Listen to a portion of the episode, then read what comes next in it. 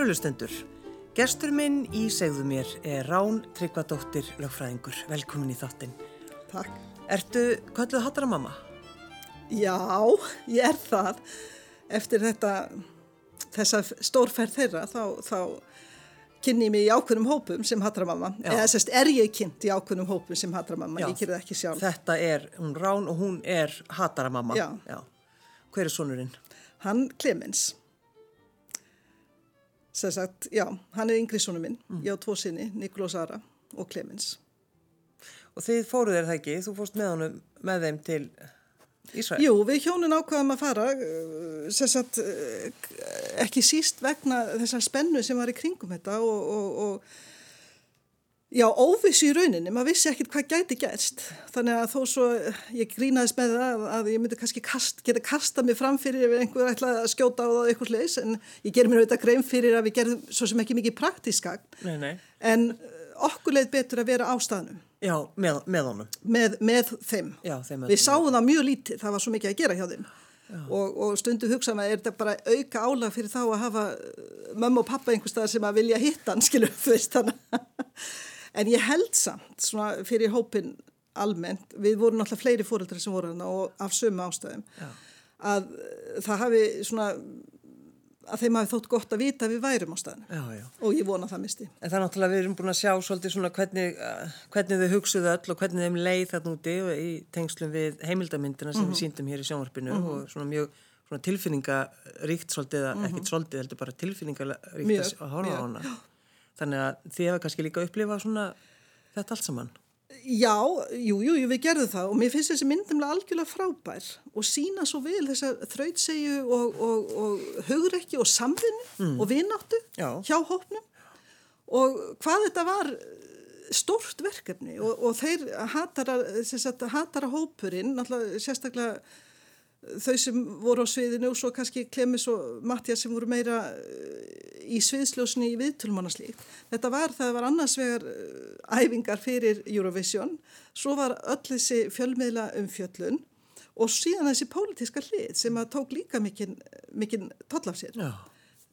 Já, Fegstu, Rán, fegstu gæsa hú þegar að fá, fáninn kom upp hjá þeim? já, ég var svo heppin að sjá þetta, en þetta var náttúrulega bara örskot stund, þannig að bara vá, það var mjög flott og ég er mjög ánað að hafa séð það. En það er kannski meira eftir á og eftir að hafa séð myndina sem ég gerir mig grein fyrir hvað þetta var mikilvægt. Mm. Ótrúlega stert. Mm, mm. Hvaðan ertu, Rán? Ég er víða að, ég er, mamma mín er þýsk, ég er fætt í Dresden þegar ég sögu frá Jútborg þar sem að fóreldrar mínu voru við háskóluna. En svo flyttu við frá Dresden til Siglufjörða þegar ég er svona rúmlega tveggjára og uh, erum þar í fimm ár og ég á svona bjartar og skemmtilega minningar og síðan hef, hef ég eiginlega, já, flust út um allt, Já. bæði á Íslandi og, og víðum heim. Sko, En ég er sér satt, ég skilgreinir mig sem íslenska og að alda upp á svona suðurlandinu myndi ég segja. já, já. En Dresden og Siglufjörður. Sko, hvað segir, sagði mammaðin um þetta þegar hún flytur frá Þýskalandi og hingað? Mamma er náttúrulega bara svo stórkvæslega kona og, og, og, og lætur fátt brenna fyrir brjósti og hún var fljótalæri íslensku og náttúrulega að flytja þangað bara maturinn til dæmis. Ég er náttúrulega alveg upp við þýst mataræðið mestu en hún sag, hefur sagt svona sögur skilu að fólk kom og bauðinni svona eiginlega afdöðar hænur þegar fréttist að hún borðaði hænur.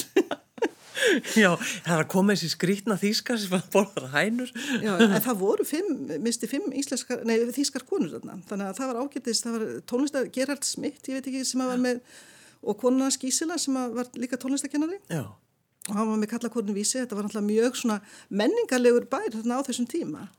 Og pappi var í karlakornum og mamma náttúrulega með sína eh, þýskar, eh, þýskan hvernaklubb og, og svo framvegist. Já. Þannig, að- þannig að það er alltaf ákveðin söknuður í fjölskyldinu eftir siglufyrði. en, en hvar, hvar hittast þau, eða af hverju hittast þau, pappin og mamma? Þau voru, pappi var í háskólanum í Dresden og mamma var þar líka og þau hittast þar í svona, sem sagt, það sem að eh, þýskir nemyndir eru að bjóða erlenda stúdenta velkomna. Já, hann hefur bara gert það svo vel. Já, Það er náttúrulega yndislegt. já, já. Já. Þannig, að, þannig að mamma segir, að, eða sérst, pappi segir alltaf að hann, hún hafi sérst, það var eitthvað með einhverja sultu sem festist í stól þannig að hún hafi nælt sér þannig í hann Já, já, já, festist í Já, sultunar er alltaf svolítið góðar Já. En uh, mannstu eftir sko þér á Siglufyrði? Já, ég man vel eftir mér og það er náttúrulega bara svona eins og klippimyndir, ég man eftir að fara í bíó með stóru krökkunum, ég átti heim á laugavegi sem er svona, ég kann nú ekki einu svona hvort maður segja út með fyrðinum mm.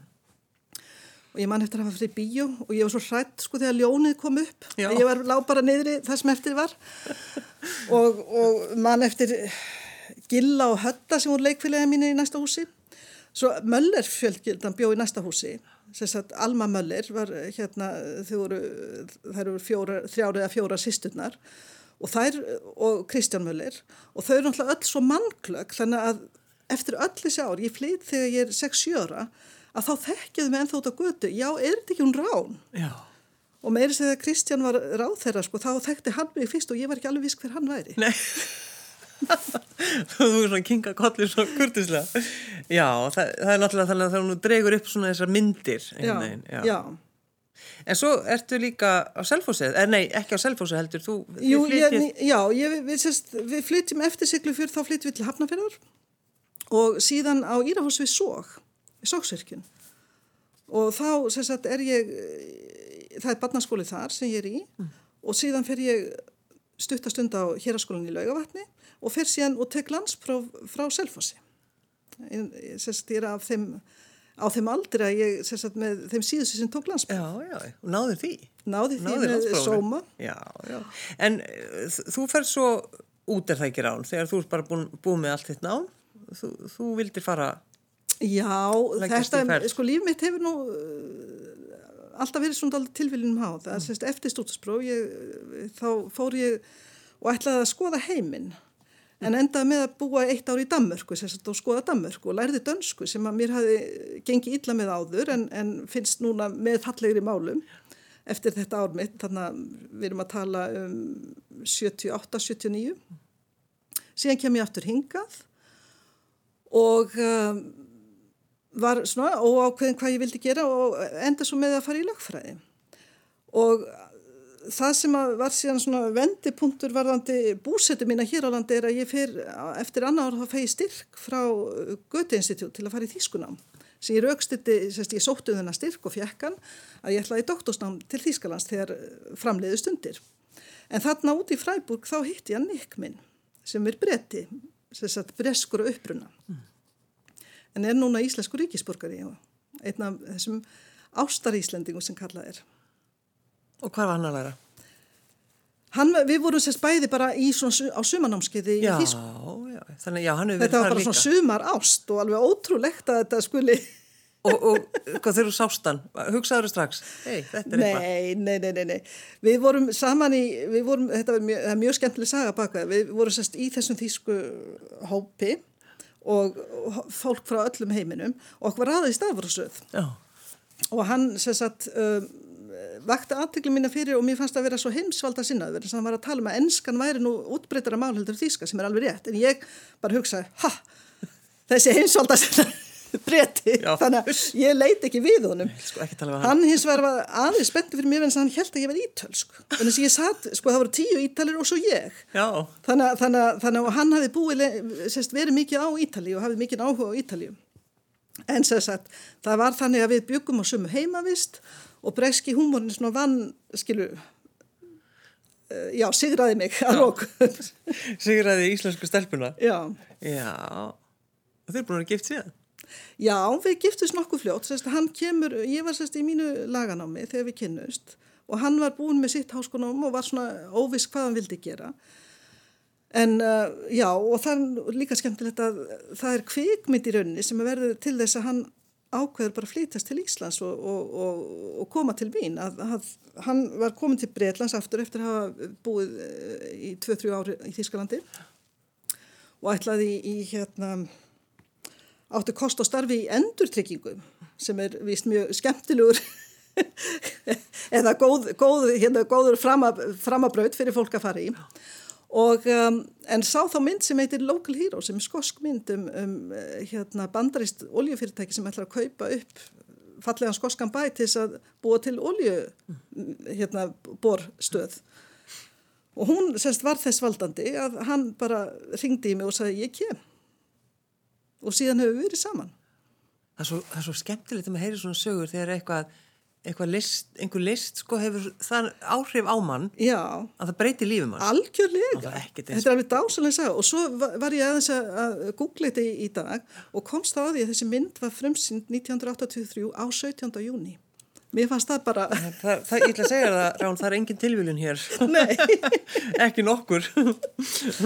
en þegar þið, þið semst, tvö börn já og þið tóku þá ákvörðin að þið ætluðu sko bara að búa einum stað. Var það ekki eitthvað svona plan hjá? Jú, við vorum mjög, við höfum bæði flutt mjög mikið í, í, í uh, okkar uppvexti og, Já. og, og, það er alltaf kostur og gallar og við, okkur fannst að, að gallanir væri það, slíkir að þegar við eignum þessu börna þá ætlum við bara að búa á einu stað. Já.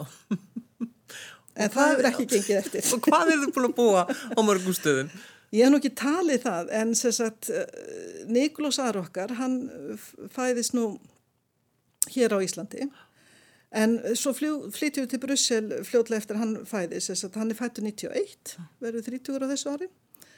Og uh, í janúar 93 flytjum við til Brussel þar sem að Nick var að starfa uh, hjá EFTA skrifstofunni. Og, og ég var sagt, fulltrúi eh, sem þá hétt yðnar og sagt í sendiráði Íslands mm. Sendinemnd Íslands gagvart Evropasambandinu Já, einmitt. þannig, að- þannig, að- og þar fæðist Clemens þannig að hann, hann hefur komið fram þegar hann var held ég 6 eða 7 ára þá kom hann fram í íslensku sjónvarpi og sagðist vera belgi Já, því hann er fætt og það er náttúrulega hann er fættu þar Já. þannig, að- þannig að, já, sérst, þannig að við byggum þar til 99 og þá flytjum við hingað til Íslands og erum inn í 10 ár sem er náttúrulega mikil blessun fyrir uh, strákana báða að fá þessa íslensku tengingu mm. Erum í 10 ár og flytjum þá aftur til Brussel og þá kemur bara Clemens með okkur. Niklós Ari hann ákveður að uh, ljúka sínu stúdinsprófi hér. Og ég held að þar með væri svona samvistum okkar eiginlega lokið að við undum bara sjást svona í fermingaveislum og skýrnaveislum og eitthvað svona því. En hann hérna tók þá ákvörnum síðan að fara í heimsbygginám í löfin. Þar var bóðið upp á, á heimsbyggi á ensku. Og löfinni þykir mjög góð, góðu staði fyrir heimsbyggi og þess vegna sérst, er bóðið upp á svona náma já.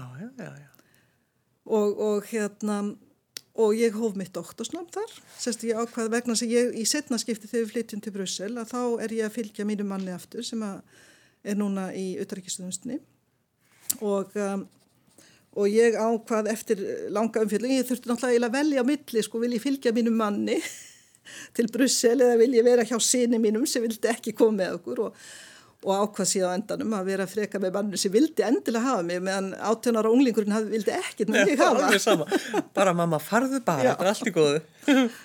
Og þá ákvaði ég nota tíman til að uh, fara í það doktorsnám sem ég fór ekki í átti kost og ég átti kost á styrk þegar ég var við þegar eftir hann flytur til Íslands þarna 8, 10 og 4 líklega að við förum síðan til Skotlands, til Edinborgar í framhalsnám bæði. Völdum Edinborg vegna þess að það var uh, svona uh, málvísindadeild sem að var hans áhuga svið og góð lagadeild og þar lauk ég M-Phil-prófi, sérst reitgerð, M-Phil-reitgerð og en átti kost á að, að halda áfram að uh, skrifa doktorsritgerðum með hæfni.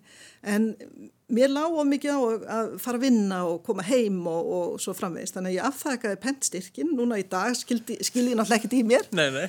En þarna 2000, og, sérst, þegar við flytjum aftur 2009 þá uh, ákvaði ég að, að uh, úr því að ég væri að fylgja mínu manni að þá ætlaði ég nota tíma til þess að taka upp þennan doktorström Já, og, og, og tókst það sagt að, að nokkrum áru setna þá lauk ég doktorsprófi í, mínu, á mínu sérsviði sem er höfundaréttur. það er höf, höfundréttur. Já, Er þetta ekki ótrúlega sko áhugavert? þetta er alveg gífulega áhugavelt og svo skemmtilegt. Ég, sem sagt, ég hef verið svo heppin að geta verið viðlúandi og starfað eða, já, starfað óslitið frá því í lagatild, frá því, útskrifaðist- eh, frá því var í lagatild að hugverkarétti. Hugverkarétti er svona yfirheiti yfir vörumerki og engaleifi og höfundarétt. Og, um, og það sem heilla mér svo er að þetta er allt í kringum okkur. maður reyfis ekki á þess að sjá vörumerki allt bara þetta sagt, uh, bara þetta viðtal mm. höfundaréttur á hugslað því já, já. og réttur út á stöðva og svo framvegs og svo framvegs þannig að þetta er gífilega skemmtilegt og, og maður getur alltaf sagt, spjalla við fólk um höfundaréttalega álitaefni og, og En það er líka svo oft, já, það er oft svona verið að tala um, þú veist, með höfundaréttin, þú veist, hver á, mm -hmm. þú veist, hver kom, þú veist, hver fattaði mm -hmm. upp á þessu, skilur þú, þú veist, hver, hver samt þetta lag, hver gerði þetta já, þetta, þú veist, þetta er endalust. Endalust og ég var svo heppin að, að sérst, ég vinni í mentamálurlandinu og sé um höfundaréttamálefni þar, en tókað mér, sérst, Anna Hildur Hildibrandsdóttir, leikstjóri Hattramyndarana. Hún bauði mér að koma og kenna hagnýtan höfundarétt í, í diplómanámi um skapandi greina sem er við Böðuröst og ég alveg hoppa á þetta tækifæri ekki síst kannski til að starfa með henni sem að hún er svo mikill sputnik. Og, um, og þetta er búið að vera mjög skemmtilegt og gefandi að ég hef sérst aðalega verið annarkvort sem fræðimaður, ég kendi lengi við Háskólinni Reykjavík hugverkar eitt einmitt sem var kallaður hausverkjar, eftir veit ég, af nefndum. Ertu ströng? Nei, þetta er bara, telst vera mjög flókið réttasvið. Já. Og, og já, hausverkjaréttur, mér fannst það alltaf skemmtilegt. Þannig að það var alltaf hausverku fyrir mig hvernig ég myndi kenna þetta, sagt, með alla mína þekkingu, kenna uh, fólki sem að er að vinna í skapandi greinum, annarkort sem listamenni eða umbóðsmenni eða annars líkt. Og þetta er búið að vera alveg gífilega gefandi og, og, og skemmtilegt fyrir mig. En er, ekki, þetta ekki bara þannig, veist, þetta er bara annarkort eða? Nei. Það, þannig að það er ekki þannig. Nei, það er nefnilega ekki þannig. Og það er oft svo auðvelt eins og með lögfræðina þegar er bara, þetta er bara í lögum, við bara förum eftir þessum lögum já, já. og dæmum samkvæmt því. Nei, það, því meira sem að læra um lögfræðina, það, því meira lærum að þetta er bara ekki akkurat svona. Sérst, það næ, lögi ná aldrei yfir öll ákvæði og, og eins og í höfundarétti, mm -hmm. þetta er oft svo hugulegt mat, skilju hvað er líkt. Ég finna, við getum bara gert heilan þátt um það. Já, algjörlega. Þannig, maður hefur alls konar, maður hefur heilt alls konar sögur sem tengist því. Þannig, þannig að, alls konar baráttumál. Já já, nei, nei, þetta, þetta er mjög en að þannig að, þannig að og ég held að það er það sem að nefndum mínum fannst líka erfitt að skilu, það eru dómstólinn sem eiga þá mat þegar deilur spretta um höfundaréttalmálefni og þeir ná ekki samkomlagi en það sem ég náttúrulega lagði megin áherslu á í, mínum, í minni kennslu í hagnýtum höfundarétti það var fyrir þá sem er að vinna í skapandi greinum hvað er mikilvægt að semja. Og að samningur sko þarf ekki að vera neitt rosalega flókið og ógnmælegt fyrirbæri. Nei. heldur þau bara, já ég ætla að gera þetta fyrir þennan pening og það er þetta sem að, á að koma út úr þessu. Því að miklu betra semja undan þegar allir eru vinnir heldur nú eftir þegar menn eru að rýfast Það er miklu betra, segjur lagfræðingur Rán Tryggvadóttir? Það er vist alveg ábyggilegt að það er öðuldara þannig, þannig að það var svona stef í, í, í minni kennslu hjá Peifuröst í þessum hagnýta höfundarétti. Já og mér síndist á lokaverkunum nefnda að þeir hefðu svona aðeins meðtekið þetta. Er ennþá að kenna þetta upp í, í bifröst? Nei, þetta var sérst námski núna á, á, á vorun já. og ég er akkurat að bara ljúka yfirferð yfir lokaverkefni hér. En ég vona svo sannlega að þetta nám verði áfram. Ég veit að það er verið að stopna til, sérst þetta var diplómanám sem að mér fannst alveg frábærlega skiplagt og, og hérna þau eru að stopna til BA-náms sem að þetta getur þá gengi í þau sem hafa áhuga og mikil metnaður þarna að, að hlúa þessum mikilvæga geira.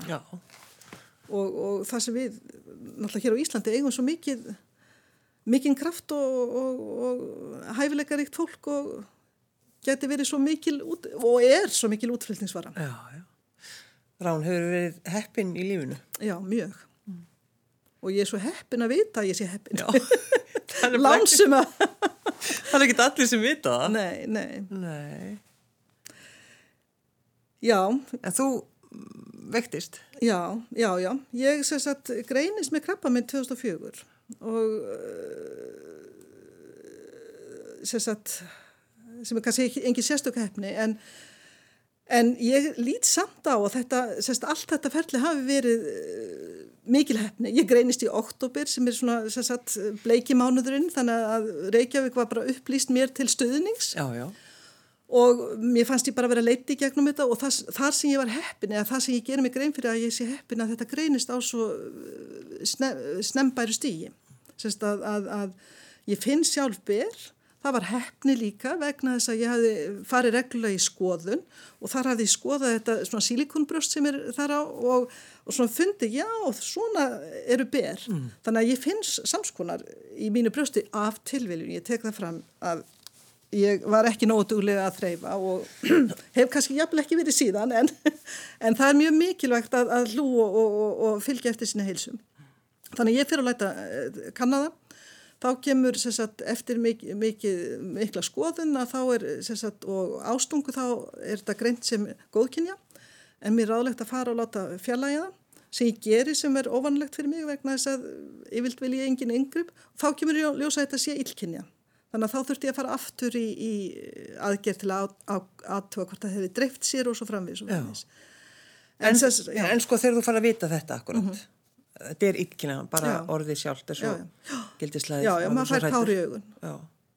Og ég fór beint út og kefti mér bókina Ótöktin eftir hana önnupálunum sem hafði, sem hún hafði gefið út uh, fyrr það ár. Mm -hmm og hennar æðruleysi og hvernig hún tóst á við sín veikindi og, og dauða bara uh, hjálpaði mér að setja mitt litla megin í samhengi og já þannig að, þannig að, að uh, kann henni mikla þakk fyrir Hún hafði heilmikil áhrif á fólkið mitt já.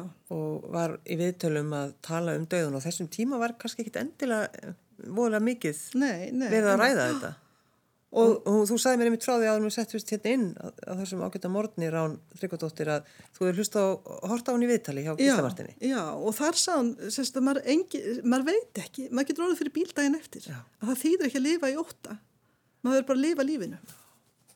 Ekki lifa í óta. Mm. Það er alveg bara, sérst að... En varstu, lifður þú í óta einhverjum, á einhverjum tímabili þannig? Sko já, en ég ákvað meðalans með hjálp þess að, að lesa bókina og hlusta á hana og, og þú veist, sjá þetta í samhengi mm. að bara treysta mínu læknum og minna, það var bara sagt sko hvort það var yfir 50% ég held að segja yfir 80% líkur sko þegar þetta er líka sagt, og hlusta já þetta er snem, snembært og, og, og hérna, þetta hafði ekki dreift sér En auðvitað kom fyrir að ég, skilu, ég er svona skipularsfrík að ég hugsa um hvernig ég vildi hafa jarðaföruna, sko. Þú veist. Já, þú, þú gerður alveg það. en um leið þá hef ég, sko, í rauninni sjálf að noti lífsins einnig mikið á þessum óvissutíma. Að þá bara fann ég, lífið er núna. Mm. Þannig að, að já. En, en fólkið þitt, þegar þau fengið að vita þetta alls saman, hvernig, hvernig tókuðu þetta sem fjölskylda? Bara, skilur, náttúrulega Nikk er náttúrulega hefur verið mín stíð og stóð og stitta í öllu sem ég tekið mér fyrir hendur og, og var það náttúrulega í, í þessu og drenginu voru frekar ungir, þetta er 2004, þá er Nikulás minn 13 ára mm. og, og, og Klemis 10 ára, þannig að við náttúrulega töluðum við þá. Nikulás Ari, eldrisónum minn, málaði alveg indislegt, eh, hérna, indislega sólar uppbrás fyrir mig sko þegar ég var að koma, sem hann beð mín þegar ég kom og ég ákvaði að taka sem sólar upp ráð sko frekar en sólarlag. Já, það er ekki betra en maður kom úr í þessum aðstöðu, já, já. Rétt, á, rétt ákvörðun. Já, já, já. Þannig, þannig að þetta var alveg bara þetta var mikil og sérst, góð lífsreynsla ef maður, maður þarf að skilu, ef maður þarf að fara í gegnum þetta og, og opnaði augum mín svo mikið líka fyrir mikilvægi sko allra meðferða eh, aðila og hvað, allir voru jákvæðir og, mm. og stiðjandi. Já, já. Maður er svo viðkvæmur.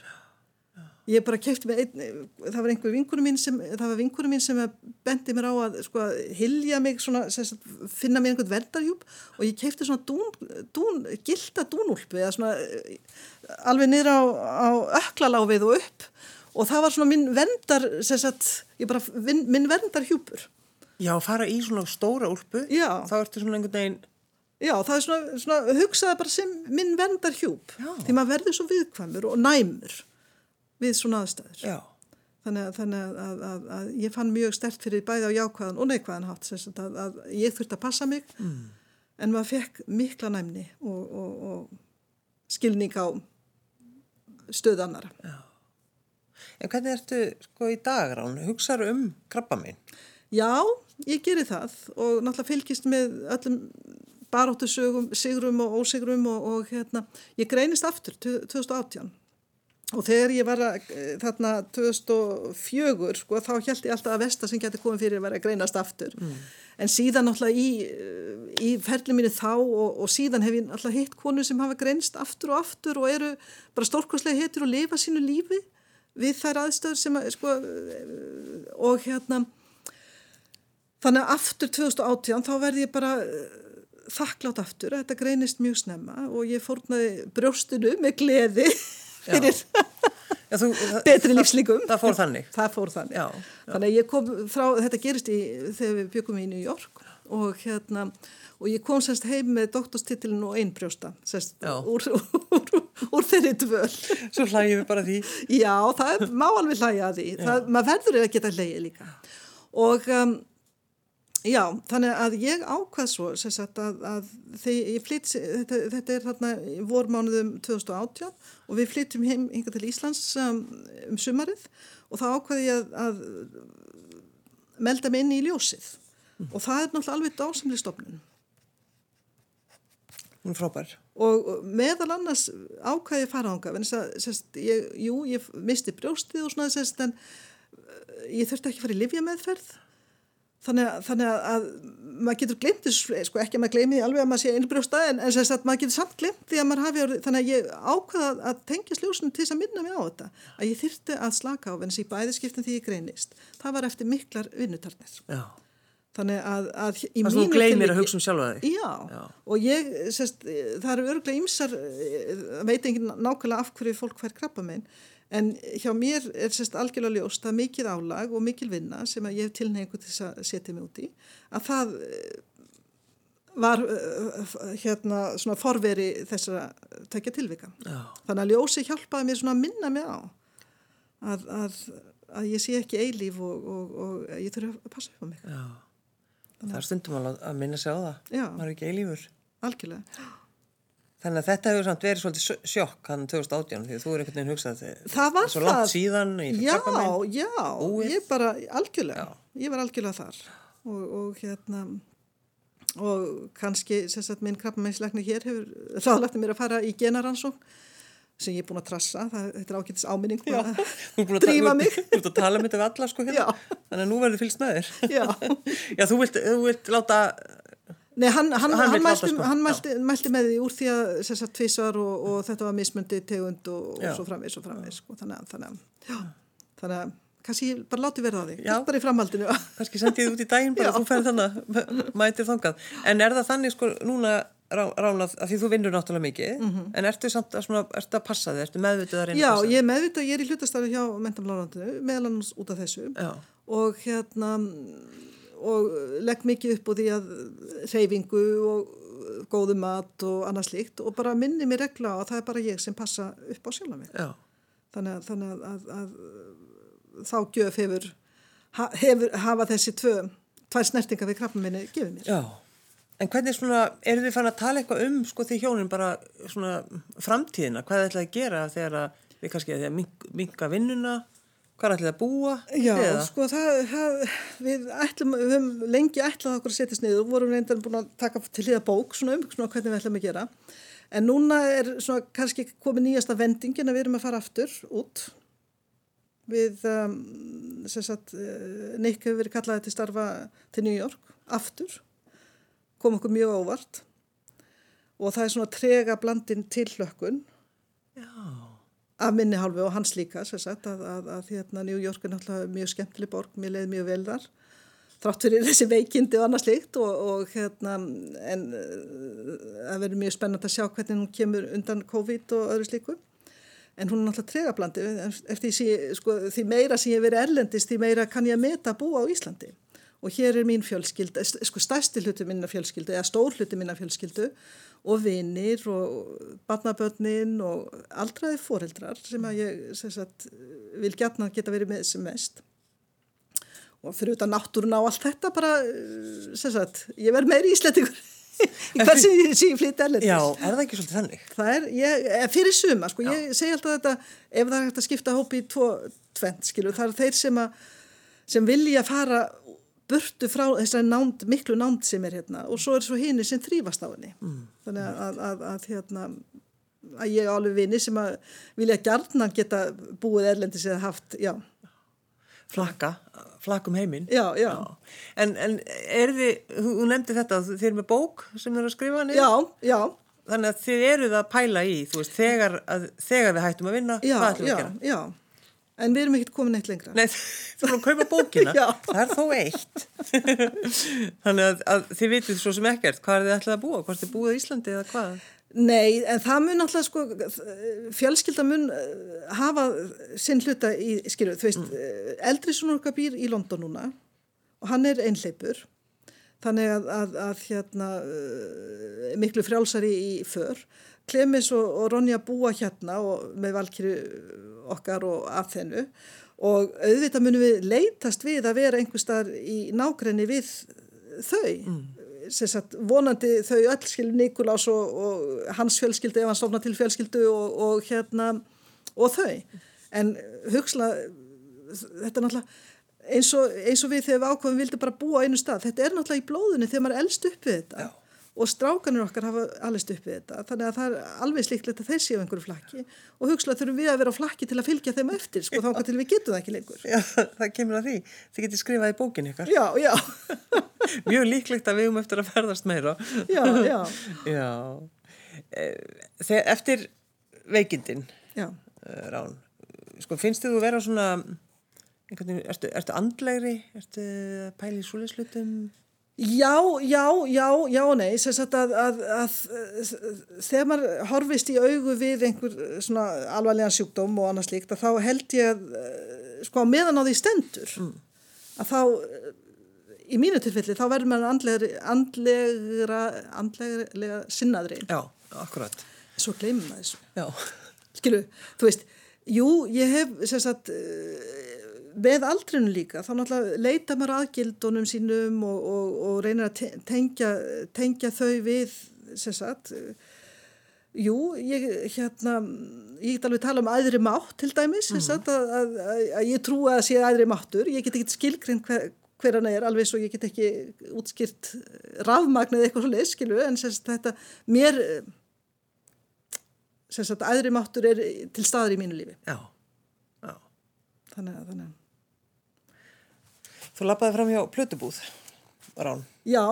Heyrðir einhverja músík? Já, það var 2004. Ég veit það vegna þess að ég sagt var í 12 tónum, fór í 12 tóna sem er náttúrulega indisleg eh, Plötubúð á, á, á skólaristík og fór þar inn að gramsa eitthvað og heyri þess að dásamlegu músík og ætla að fara, eh, ætla ég mitt að spyrja ákveðslumanninu, þá heyri ég að það er annar í búðinni búin að spyrja hann og, og ákveðslumanninu segir já, þetta er kraftaverka tónlist. Vinu minn sem býr í Finnlandi, hann greintist með krabba minn og hann hlustaði á þessa tónlist stöðugt með meðferð stóð og hann læknaðist Já. og ég náttúrulega kefti diskin og svo greinist ég um haustið og þá átti ég diskin og síðan hef ég náttúrulega gefið, gefið mjög mörgum vinkunum mínum sérstaklega vinkunum, það eru fleiri brjóskrafminni er náttúrulega svo algengt mm. þannig að, já þetta er dásalinn tónlist sem hefur fyllt mig lengi þannig að þegar þú spurðir um tónlist þá var þetta svona eitt af því fyrsta sem kom í hug, eða í raun að eina. Já, hvað er það sem við ætlum að hlusta í lokin? Þetta er sem sagt Fyr Alína eftir hann Arvo Pert. Mm. Þá skulum við bara leggja við hlustir. Rán Tryggvadóttir, lagfræðingur, takk fyrir að koma. Takk fyrir mig.